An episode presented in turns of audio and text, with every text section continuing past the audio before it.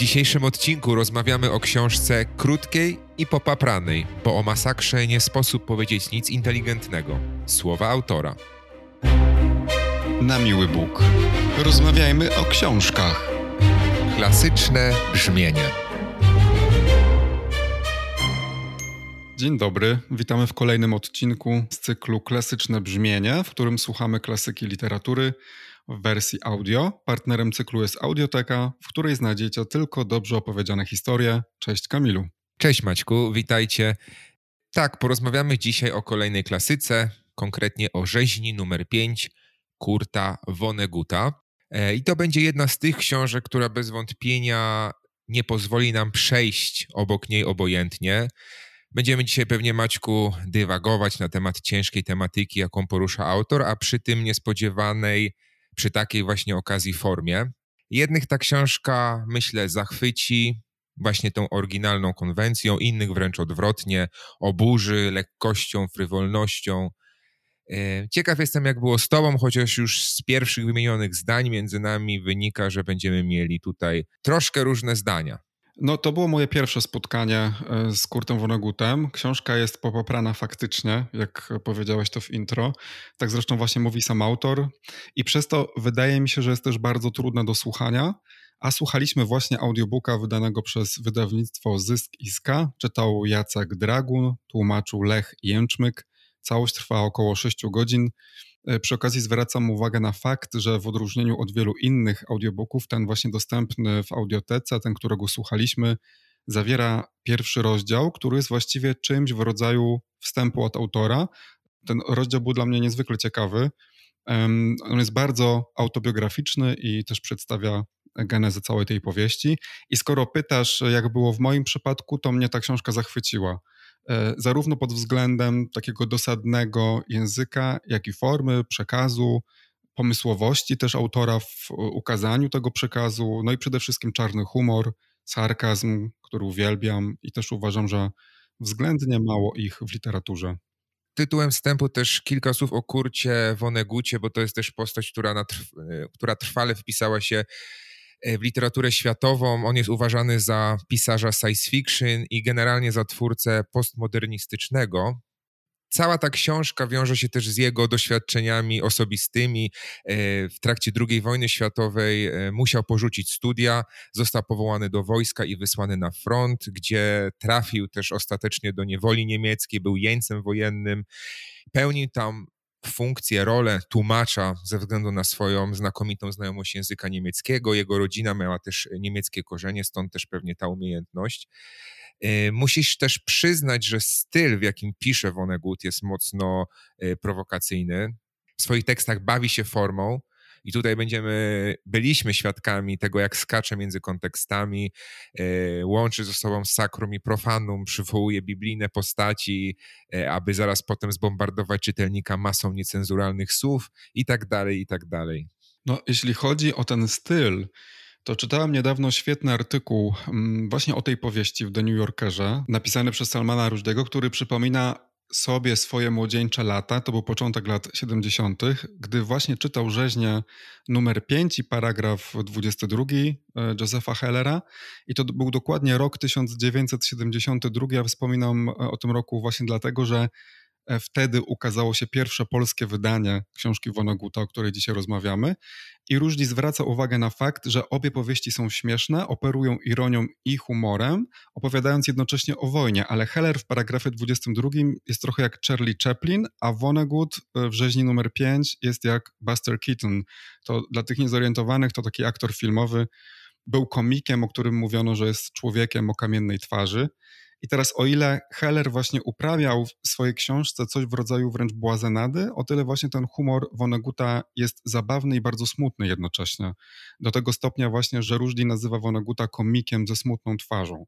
E, I też e, czytałem o tym, że Vonnegut był świadomy swojego smutku. Mówił, że odziedziczył go po rodzicach i też mam wrażenie, że tak głęboki smutek i tak traumatyczne przeżycia, e, których pisarz był świadkiem, no można właśnie ukryć wyłącznie za maską ironii i czarnego humoru. To po prostu pomaga opowiadać o tak e, strasznych e, rzeczach. Choć, e, co ciekawe, mam też wrażenie, że taka historia opowiadana z zamaski humoru czy sarkazmu, ironii czasami potrafi być no jeszcze bardziej przygnębiająca, bo jest taka bardziej uderzająca.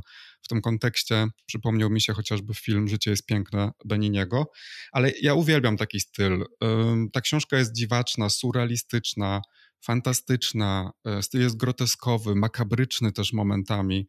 Oczywiście też zdaję sobie sprawę z tego, że taka mieszanka może być męcząca, no ale zawsze jest to jednak obcowanie z umysłem o niezwykłej wyobraźni i też takiej zdolności do eksperymentowania.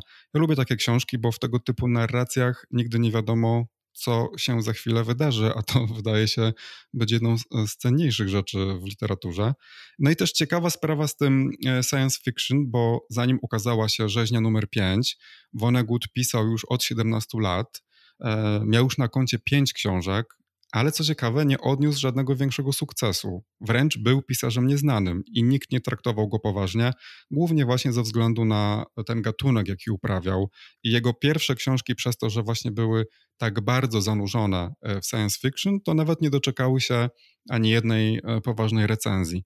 No tak jak wspomniałeś, Vonnegut brał udział w II wojnie światowej, w trakcie której został właśnie pojmany, był jeńcem przetrzymywanym w Dreźnie, był też świadkiem bombardowania tego miasta przez aliantów. Ten fakt historyczny zresztą był wówczas bardzo mało znany, a można go było porównać do Hiroshimy. E, narrator, czy też właściwie Vonnegut słowami narratora w tej książce też e, mówi nawet, że to wydarzenie było gorsze niż Hiroshima. Po bombardowaniu Drezna całe miasto zostało zrównane z ziemią, właściwie zginęli prawie wszyscy mieszkańcy. Mówię o tym dlatego, że chciałbym dodać, że powieścią, o której dzisiaj mówimy, Vonnegut chciał zadebiutować. I to właśnie pokazuje, jak mocne piętno historia z Drezna odcisnęła na autorze, bo debiut jest przecież najczęściej wyrzucaniem z siebie tego, co dręczy nas najbardziej, a autorowi brakowało jeszcze doświadczenia w tamtym czasie, umiejętności, warsztatu literackiego, aby opisać to w takiej formie, w jakiej chciał, E, temat jest przecież niezwykle też wymagający i właśnie w tym pierwszym rozdziale, o którym mówiłem wcześniej, Vonnegut wyjaśnia, dlaczego e, nie mógł napisać tej książki. On w ogóle też bardzo długo ją pisał. Ostatecznie też stwierdza przecież, że ta książka jest nieudana, informuje czytelnika o tym na samym początku. I rzeźnia numer 5 finalnie ukazała się jako szósta powieść w dorobku tego pisarza. Czyli rzeźnia numer 5 jest według autora nieudana. To myślę, że jest e, dobry wątek do naszej dyskusji zaraz. To może powiedzmy jeszcze przed nią krótko, o czym jest ta książka. Jej głównym bohaterem jest e, Billy Pilgrim, e, który ze szkoły średniej trafia na front II wojny światowej. Podobnie jak Vonnegut, trafia później też do niewoli i pracuje w obozie dla jeńców w Dreźnie. I tam jest też świadkiem tego bombardowania miasta, o którym przed chwilą y, mówiłeś. Wraz z innymi amerykańskimi jeńcami jest przetrzymywany w dawnej rzeźni dla świń i ta rzeźnia ma numer 5 właśnie. I w tym kontekście książka jest bardzo autobiograficzna, y, natomiast Vonnegut dodaje do tego wszystkiego silny motyw science fiction. E, mianowicie Billy, główny bohater, wypada z czasu, jak mówi narrator, to znaczy spontanicznie przenosi się z różnych momentów swojego życia i przeżywa je tak, jakby się działy właśnie teraz. E, dodajmy, że zdarza się to bardzo często, a Billy nie ma w zasadzie nad tym żadnej kontroli. Ja jeszcze wrócę do kontekstu historycznego tej powieści, bo e, to też jest niezwykle ważne. Ta książka została wydana w 1969 roku. E, opowiada oczywiście o II wojnie światowej, ale zwróćmy uwagę, że ukazała się u schyłku wojny w Wietnamie. E, wpisując się oczywiście w szeroki ruch antywojenny, bardzo żywy wówczas w Stanach Zjednoczonych.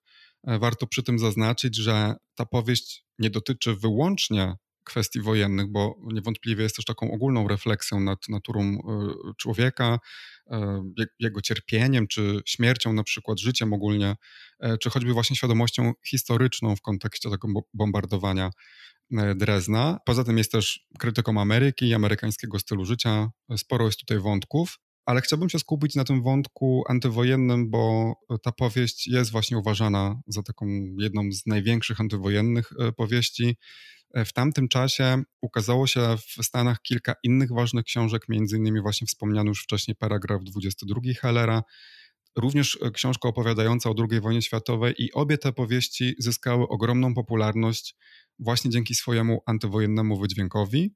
Do dzisiaj Rzeźnia numer 5 uważana jest za najważniejsze dzieło Voneguta i nawet amerykańskie Modern Library umieściło tę powieść na 18 miejscu najlepszych angielskojęzycznych powieści XX wieku, jeśli ktoś lubi takie zestawienia. E, sukces tej powieści oczywiście automatycznie zwiększył zainteresowanie wcześniejszą twórczością Woneguta i zwróćmy uwagę na to, że szósta powieść autora dopiero sprawiła, że ktoś e, na poważnie zainteresował się jego wcześniejszą literaturą. Też chyba myślę, że warto wspomnieć o tym, że recepcja tej książki była bardzo mieszana, przy czym większość krytyków chwaliło ją. Zdarzały się oczywiście głosy krytyczne, między innymi wobec prowokacyjnego języka i też tej postawy głównego bohatera, która jest no, dosyć kontrowersyjna, bo on no, zdaje się afirmować jaką bierną postawę wobec życia, rezygnację, pewien determinizm. Na pewno jeszcze o tym dzisiaj powiemy. I tutaj na koniec tylko dodam, że wydawnictwo Zysk i Ska przygotowało nowe wydanie tej książki, właśnie zarówno w audio, jak i w papierze, z bardzo fajną okładką, piękną zresztą. Ja myślę też, że nie bez znaczenia jest tutaj tocząca się wojna w Ukrainie, bo gdy przeglądałem komentarze na temat tej powieści, to właśnie zauważyłem, jak wiele osób sięga po nią teraz i nie wiem, komentuje to właśnie w kontekście tego antywojennego e, klasyku, którym stała się ta książka. A mi się wydaje, że to jest całkiem e, normalne i rzeczywiście jest tak, jak mówisz, że ta sztuka antywojenna e, przeżywa w ostatnich miesiącach swój renesans. Stąd też na przykład ponowny boom na książkę Na Zachodzie bez zmian i niedawna nagroda Amerykańskiej Akademii Filmowej dla jej ostatniej ekranizacji. Także ta literatura staje się dla nas pewnego rodzaju sferą bezpieczeństwa w sytuacjach takiego światowego kryzysu, jakim bez wątpienia jest wojna. Inny przykład z mojego doświadczenia jest taki, że kiedy wybucha pandemia COVID, y, to na przykład sięgnąłem ponownie po dżumę Alberta Kami, którą pierwszy raz czytałem w liceum. I myślę, że te sytuacje takich wielkich społecznych dramatów y, niosą za sobą jakieś powtarzające się motywy, przyczyny, E, i też następstwa, i dla czytelnika znalezienie pewnego rodzaju analogii w literaturze, przez literaturę w tych sytuacjach kryzysowych no jest w jakiś sposób kojące, czasami również e, nakierowujące na konkretną postawę. Jeśli chodzi o rzeźnię numer 5, czyli też taką powieść dobrą na kryzys światowy, jakim jest teraz wojna, to ja o tej powieści wiem od ciebie. Wcześniej o niej nie słyszałem, przyznaję. Mam z tą książką pewnego rodzaju problem, bo nie do końca też potrafiłem odnaleźć się w tej e, nihilistycznej postawie Billiego, głównego bohatera, tak bym ją określił, jak i też w tej galopującej fabule w dziesięciu różnych kierunkach na minutę, to też yy, zaraz podejmiemy ten temat. Jak najbardziej lubię zabawę formą, uwielbiam takie eksperymenty stylistyczne w literaturze, jakie stosuje Vonnegut, ale ta błyskawiczna i zmieniająca się raptownie gra autora chyba częściej doprowadzała mnie do jakiejś takiej szewskiej pasji, do jakiejś irytacji i, i tak prawdę mówiąc ostatecznie nie do końca wiem, co autor mógł mieć na myśli. No, ja myślę, że ta gra z konwencją i właśnie fragmentaryczność pewna tej powieści to w głównej mierze ilustracja koncepcji czasu Tralfa Madorczyków, kosmitów, którzy pojawiają się w tej powieści w wątku science fiction. Przede wszystkim należy właśnie powiedzieć, że to jest książka przedziwna. Zgadzam się w tym sensie z tobą. Z jednej strony autobiograficzna, a więc ze sporą dawką realizmu, jak również naturalizmu, pewnego rodzaju brutalności nawet, a z drugiej e, sięgająca po elementy science fiction i to dosłownie, bo właśnie pojawiają się w niej kosmici. Także jasne jest, że z jednej strony ta powieść operuje czarnym humorem i ironią, a z drugiej traktuje o śmierci, II wojnie światowej, zagładzie, o tematach, jakby się wydawało, wymagających dużej powagi. I myślę, że właśnie dlatego napisanie tego typu powieści, łączącej te dwa światy, zajęło autorowi tyle czasu, no bo musiał dojrzeć do takiej kombinacji właśnie wojny i humoru. Ta gra z konwencją zresztą pojawia też się na poziomie bohatera, prawda, który wydaje się taki no, nieliteracki albo mało literacki. Billy jest przecież niezwykle bierny, nie podejmuje zbyt wielu działań. Mamy wrażenie, że jego życie i los są kształtowane przez wydarzenia i siły zewnętrzne, takie właśnie jak wojna, czy chociażby porwanie przez kosmitów, skoki w czasie, nad którymi nie ma kontroli. Z drugiej strony nie można też takiej postaci odmówić realizmu, no bo właśnie przez to, że autor pozbawił go heroizmu i sprawczości, czy też takiej pełnej, totalnej kontroli nad swoim losem, no to tak trochę jak w życiu, nie? że my też często jesteśmy bezradni wobec tego, co na zewnątrz, choć chcielibyśmy oczywiście, aby było inaczej i w jakimś sensie robimy, co możemy, aby było inaczej. No, postać Billiego to jest e, naprawdę temat rzeka. Nie wiem, czy jest to realna postać, tak jak zakładasz. E, czy można znaleźć tego typu postawę e, w sytuacjach takich jak wojna, tak bardzo nihilistyczną i zdystansowaną do wszystkiego, co się dzieje dookoła, nie tyle nie mającą wpływu na swoje życie, co nie podejmującą znikomych działań, nawet takich minimalnych decyzji. Billy jest rzucany po rzeczywistości decyzjami innych, nie wybiera, nie sprzeciwia się, nie ma opinii. Co gorsza, nie ma też empatii nawet, emocjonalnych jakichś odruchów, nawet właśnie w, tych, w obliczu tych wojennych obrazów pełnych cierpienia, nawet w przypadku śmierci własnej żony. To jest dla mnie nierealne. Billy to jest y, taka postać, która we mnie wzbudza ogromną irytację postać jednostajna i niepodlegająca metamorfozom, co też się rzadko w literaturze e, zdarza, więc to jest bardzo prowokacyjne ze strony Woneguta. Do tego stopnia, że mi jest osobiście trudno znaleźć literackie uzasadnienie dla stworzenia takiego bohatera. No ale to bardzo dobrze, że czułeś irytację. To znaczy, że ta książka coś ci zrobiła. Na przykład to, że nie chcesz być taki jak Billy. No, jeśli tak na to spojrzeć, to tak. Nie chciałbym być jak Billy i nie chciałbym, aby ludzie dookoła mnie tacy byli. Chyba, że w ogóle przyjmiemy taką wersję wydarzeń, że ta obojętność, pozbawienie osobowości wręcz i schizofreniczne myśli bohatera, w tym te wyobrażenia o Tralfamadori, o której już wspomniałeś, to jest wynik urazu wojennego, tak? I wtedy rzeczywiście mamy historię człowieka złamanego psychicznie, którego życie to jest jedna wielka ucieczka w abstrakcję i w surrealizm. No ale wiesz co, ja też nie wiem, czy my musimy tak zawsze interpretować dosłownie literaturę piękną, ja nie potrzebuję takiego dopowiedzenia, na przykład, że ci kosmici to była jakaś ucieczka w abstrakcję, że on sobie to wymyślił. A co jeśli nie była? Wiesz o co mi chodzi, że jest to literatura piękna, nie jest to reportaż. W poprzednim odcinku rozmawialiśmy z Joanną Bator, było tam opowiadanie Batwoman i też nie zastanawialiśmy się, czy jest to prawda. Natomiast e, wyciągnęliśmy z tego opowiadania chyba fantastyczne wnioski i ja tak właśnie traktuję też tę książkę i ona jest jakby oparta na pewnych faktach historycznych, natomiast jest w niej bardzo dużo e, fikcji, wręcz takiej właśnie fantastyki i ja próbuję jakoś te fakty zinterpretować albo to połączenie nie? i mogę się tylko powtórzyć, że ja odczytuję tego typu bohatera, podobnie właśnie jak wybrany przez autora sposób narracji, jako próbę ilustracji tej pewnej koncepcji czasu, czasu według Tralfa Madorczyków. Strasznie okropne jest to słowo do podcastu.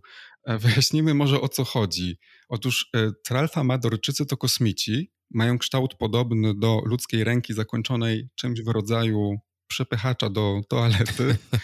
E, pochodzą z Tralfa Madori i widzą czas zupełnie inaczej niż my.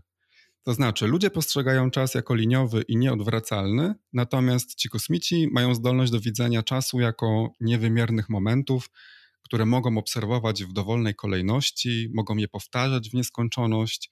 Czyli, żeby to zilustrować, to na przykład nasz czas jest postrzegany jak linia, a ich czas to pętla. W pętli każde zdarzenie jest równie ważne, żadne nie jest zbyt dawne, zbyt stare, zbyt oddalone. Wszystkie są znane, zapamiętane, wszystkie są tu i teraz. Innymi słowy, w dowolnej chwili można przeżyć dowolny z momentów swojego życia. Nie ma przeszłości i przyszłości, jest tylko teraźniejszość. Dlatego właśnie Bilemu być może zdarzają się te skoki w czasie, bo tak właśnie wyglądałoby nasze życie, albo mogłoby wyglądać, gdybyśmy postrzegali czas tak jak Trafalmadorczycy. Może z tą e, różnicą, że pewnie moglibyśmy sobie tak skakać po własnym życiu i mając nad tym kontrolę, natomiast Billy tej kontroli właśnie nie ma. I myślę, że problemem tego bohatera jest to, że on nic z tym nie robi, znaczy on nie wyciąga żadnych wniosków. I być może właśnie Vonnegut pyta, wolisz być jak Billy, czy jak e, Tralfamadorczycy? Bo z ich koncepcji pojmowania czasu płynie pewien sens. Jeśli w każdej sekundzie mają dostęp do wszystkich momentów swojego życia, no to zawsze koncentrują się na chwilach radości, zamiast skupiać się na przykład na traumach czy niepowodzeniach, prawda? I to też jest taka filozofia, o której sporo się teraz słyszy, która, nie wiem, mówi ci, przyjmuj rzeczywistość taką, jaka jest, Nie skupiaj się na tym, na co nie masz wpływu. Staraj się nie frustrować niepowodzeniami. Wyciągaj z życia tyle radości, ile się da, prawda? I może mamy tu taką sugestię, że nie powinno się tracić czasu na na przykład zastanawianie się nad rzeczami, na które i tak się nie ma wpływu, a zamiast tego może lepiej skupić się na czerpaniu radości z życia. E, nie wiem, jednocześnie wydaje mi się, że Vonnegut mówi, że determinizm nie jest jedyną możliwą opcją, albo na przykład nie mówi, że powinniśmy całkowicie rezygnować z prób wpływania na nasze życie, prawda? Raczej wydaje mi się, że mówi albo sugeruje, że to, co jest nieuniknione, po prostu zawsze będzie nieuniknione i że możemy tylko wybierać, jak na to reagować. E, możemy patrzeć na to z perspektywy rozpaczy i właśnie beznadziei, jak Billy Pilgrim, albo próbować cieszyć się każdą chwilą, jak e, trafamadorczycy. Tak jakby możemy wybierać, jak postrzegamy rzeczywistość. Okay, to odchodząc jeszcze od tego motywu czasu, bo on jest naprawdę mm, interesujący, ale też mocno abstrakcyjny i, i, i, muszę się nad nim jeszcze zastanowić przynajmniej kilka dni, a jestem świeżo po skończeniu audiobooka. Przejdę do rzeczy bardziej zero-jedynkowej, że tak powiem, do samego tytułu. Bo pierwszą i najbardziej oczywistą interpretacją tego tytułu jest taka interpretacja dosłowna, czyli rzeźnia numer 5 to Schlachthof 5, miejsce, w którym przed wojną odbywała się masowa rzeź świń, które następnie przetwarzano na mięso. W powieści Kurt Vonnegut odnosi się właśnie do tej rzeźni w kilku momentach, e, a w trakcie wojny budynek pełni rolę więzienia dla jeńców, e, w tym dla głównego bohatera. Ale w kontekście całej powieści tytuł też ten odnosi się również do rzezi, która miała miejsce podczas bombardowania Drezna przez aliantów. Druga możliwa interpretacja tytułu ma wymiar bardziej symboliczny. Rzeźnia może oznaczać właśnie pewnego rodzaju dehumanizację, która zawsze towarzyszy wojnie i przemocy. Tytuł ten odnosi się do tego, jak w okrutny sposób ludzie potrafią traktować innych ludzi, a także jak łatwo sami stają się ofiarami okrucieństwa wojny. Nagle y, życie i los stają się tak samo bezwartościowe jak mięso w rzeźni. Tak, zgadzam się. To taki trochę można powiedzieć chichot losu, że jeńcy wojenni są zamykani w budynku, w którym kilka lat wcześniej zażynało się świnie. Jest to bardzo wymowne. Tutaj właściwie nie mam nic więcej do dodania. Za to podejrzewam, że chcesz też zapytać o słynne zdarza się, bo pamiętam, że cię ten zwrot bardzo irytował w trakcie słuchania. Oj, bardzo. Dokładnie chcę o to zapytać. No właśnie, to może wyjaśnijmy tym, którzy te książki nie czytali albo nie słuchali audiobooka. Otóż przez całą powieść powtarza się jeden zwrot. Zdarza się. Warto zwrócić uwagę, że on pojawia się wyłącznie wtedy, gdy ktoś umiera albo jest przywoływane cokolwiek związanego ze śmiercią. Zatem obojętnie, czy umiera zwierzę, jeniec, czy umierają e, Żydzi, e, ludzie w wypadkach, cywile w bombardowaniu Drezna, narrator zawsze kończy taki opis słowami zdarza się. Rozumiem tych, których ten zwrot y, może irytować, którym ten zwrot może wydawać się zbyt cyniczny, w jakiś sposób obojętny wobec tragedii, e, ale ja też myślę, że tutaj dochodzi kwestia tłumaczenia, bo w oryginale to brzmi so it goes, które moim zdaniem równie dobrze może znaczyć coś w stylu tak to już jest, albo tak mówimy, takie życie. Używamy przecież e, tych zwrotów, gdy coś nam się przytrafia i na przykład chcemy to jakoś szybko sobie wytłumaczyć, zaakceptować, oswoić w ten sposób nieszczęście, czy właśnie śmierć, jak e, próbuje to robić e, Vonnegut. Polskie tłumaczenie zdarza się, jest chyba e, trochę bardziej ironiczne, ale znowu Vonnegut jest ironiczny. No ja myślę sobie, że Vonnegut to jest jednak niezły drań i, i to zdarza się ma brzmieć skrajnie cyniczne, bo jeśli to jest książka prowokacyjna i taka ma być jej główna funkcja, to rzeczywiście wtedy miałoby to sens dlatego, że tworzy w czytelniku taki wewnętrzny bunt. No jak to zdarza się? Przecież śmierć nie jest momentem analogicznym, nie wiem, do poślizgnięcia się na skórce od banana, by ją tak bagatelizować. A więc tylko wojna może doprowadzić do, ta, do takiego upowszednienia śmierci, z czym my, jako czytelnicy, humaniści, się po prostu nie zgadzamy E, a w naszym światopoglądzie pozostaniemy już tak naprawdę zawsze po stronie pokoju i, i tak, takie stwierdzenie bagatelizujące śmierć będzie jeszcze bardziej e, nas buntowało i w jakiś sposób utwierdzało w postawie e, antywojennej. Znaczy ja się w ogóle nie zgadzam z tym zamierzonym cynizmem Wonaguta. Choć oczywiście no, rozumiem takie interpretacje, tylko że ja odczytuję tę książkę zupełnie inaczej. Ta ironia jest dla mnie bardzo czytelna. E, może też przytoczę taki fragment listu głównego bohatera, który trochę wyjaśnia to sformułowanie i dlatego też musieliśmy wyjaśnić e, tę koncepcję czasu, bo to jest powiązane ze sobą. Billy pisze tak. Najważniejszą rzeczą, jakiej nauczyłem się na Tralfa Madori, było to, że śmierć jest tylko złudzeniem. Człowiek żyje nadal w przeszłości, tak więc głupotą jest płakać na pogrzebie. Wszystkie chwile, przeszłe, obecne i przyszłe, zawsze istniały i zawsze będą istnieć. Tralfa Madorczycy mogą oglądać te różne chwile tak, jak my możemy oglądać na przykład góry skaliste. Widzą, że poszczególne momenty są niezmienne i mogą wybierać te spośród nich, które ich w danej chwili interesują. To tylko my na Ziemi mamy złudzenie, że chwile następują jedna za drugą, jak korale na sznurku, i że chwila raz przeżyta jest stracona na zawsze. Tralfa Madorczyk, widząc trupa, myśli sobie po prostu, że zmarły jest aktualnie w złej formie, ale jednocześnie wie, że ta sama osoba czuje się znakomicie w wielu innych momentach. Kiedy teraz słyszę o czyjejś śmierci, wzruszam tylko ramionami i mówię: to, co mówią w takich razach tralfa madorczycy, to znaczy zdarza się. I wiesz, w mojej ocenie Vonnegut używa tego zwrotu nie po to, aby cynicznie banalizować śmierć, ale właśnie by ją oswoić. To jest takie słowo klucz dla mnie. Również też po to, aby nam uzmysłowić, że wszyscy skończymy tak samo, że wszyscy jesteśmy równi wobec śmierci, wszystko zmierza tylko i wyłącznie do śmierci. I skoro tak, no to zacznijmy się w, w jakimś sensie już teraz z tym godzić i nie traktujmy śmierci jak tabu albo jakiegoś niezwykle wyjątkowego zdarzenia, bo to jest coś, co po prostu zdarzy się nam wszystkim i co zdarza się wszystkim e, stworzeniom. Tak, tylko chyba jednak w kontekście wojennej masakry przedwczesne godzenie się ze śmiercią nie brzmi dobrze i też jednocześnie wyklucza jakieś postawy heroiczne, które jednak e, odegrały kluczową wartość w zachowaniu człowieczeństwa w takich barbarzyńskich czasach. Więc bezsensowna śmierć jest według mnie wyjątkowym zdarzeniem. Dlatego tutaj jakby nie do końca pojmuję tę koncepcję. E, jest bezsensownym zdarzeniem, jest wyjątkowym Y, zdarzeniem, wyjątkowo nieludzkim powiedziałbym, takim, którego skwitowanie stwierdzeniem zdarza się, jest co najmniej nie na miejscu, a co w tej książce wydarza się nie raz, nie dwa i nie trzy razy, nie? I to jest dla mnie takie pójście w jakiś taki nihilizm, którym może obronić się tylko tym, że jest zamierzony po to, by prowokować i wzbudzać skrajny bunt czytelnika i jakby wzbudzać w nim postawę niezgody na to.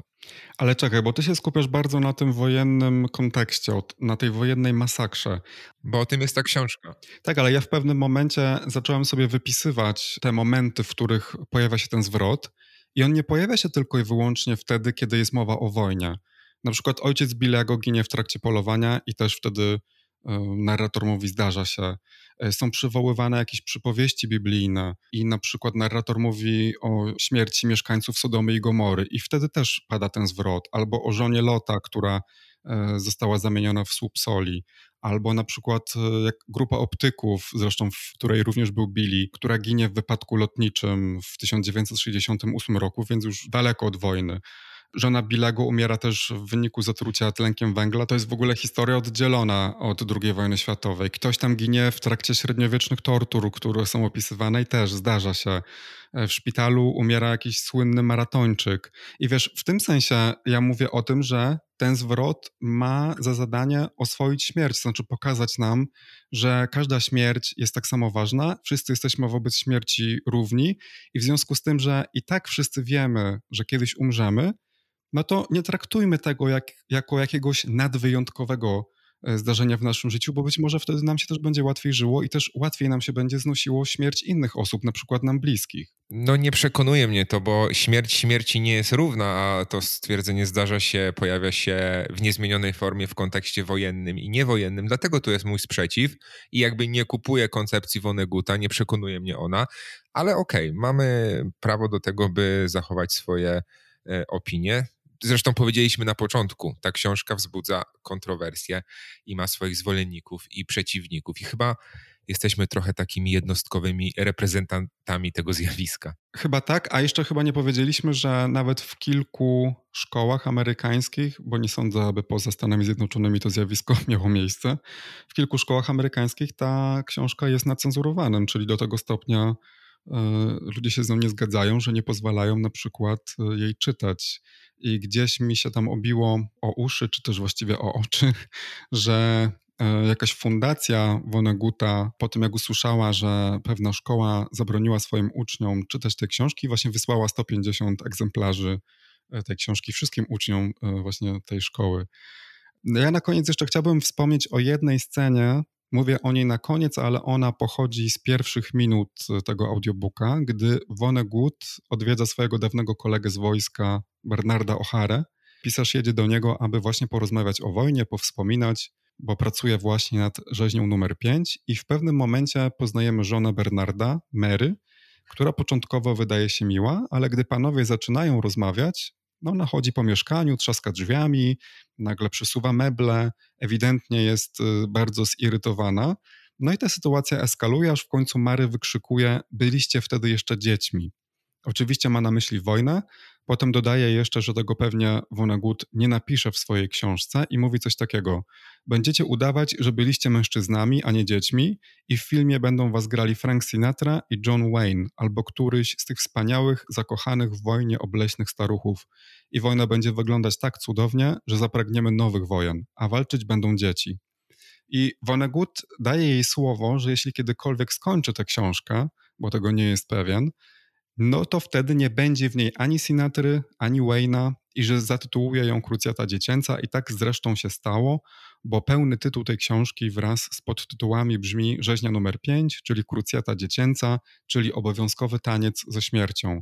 I w dalszej części autor mówi, że wspólnie z Bernardem O'Hare porzucili wspomnienia o wojnie i zaczęli szukać informacji o prawdziwej krucjacie dziecięcej, która miała miejsce w 1213 roku. Otóż dwaj mnisi wpadli wówczas na pomysł stworzenia armii złożonej z dzieci i sprzedania ich do Afryki, do niewoli. Zgłosiło się ponad 100 tysięcy dzieci przekonanych, że wyjadą do Palestyny, a ostatecznie połowa utonęła na morzu reszta faktycznie została sprzedana.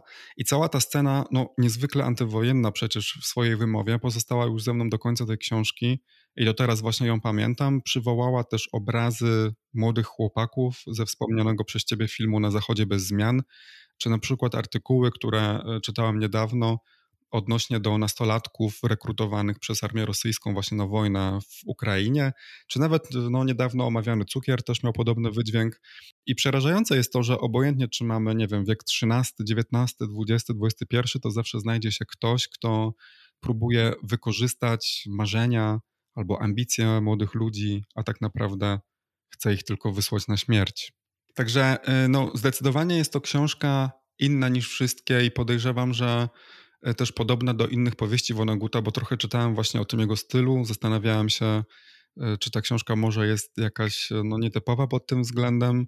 Mnie ten tekst zaskoczył. Żałuję, że nie sięgnąłem po niego wcześniej, ale jednocześnie cieszę się, że właśnie mieliśmy okazję zapoznać się z nim w ramach naszego cyklu Klasyczne Brzmienie, którego partnerem jest Audioteka. Tę i inne dobrze opowiedziane historie znajdziecie między innymi na audioteka.pl. Tak, wiele w tej prowokacji Wonegutowi się udało, chociażby ta skrajna dehumanizacja reprezentowana przez postawę głównego bohatera.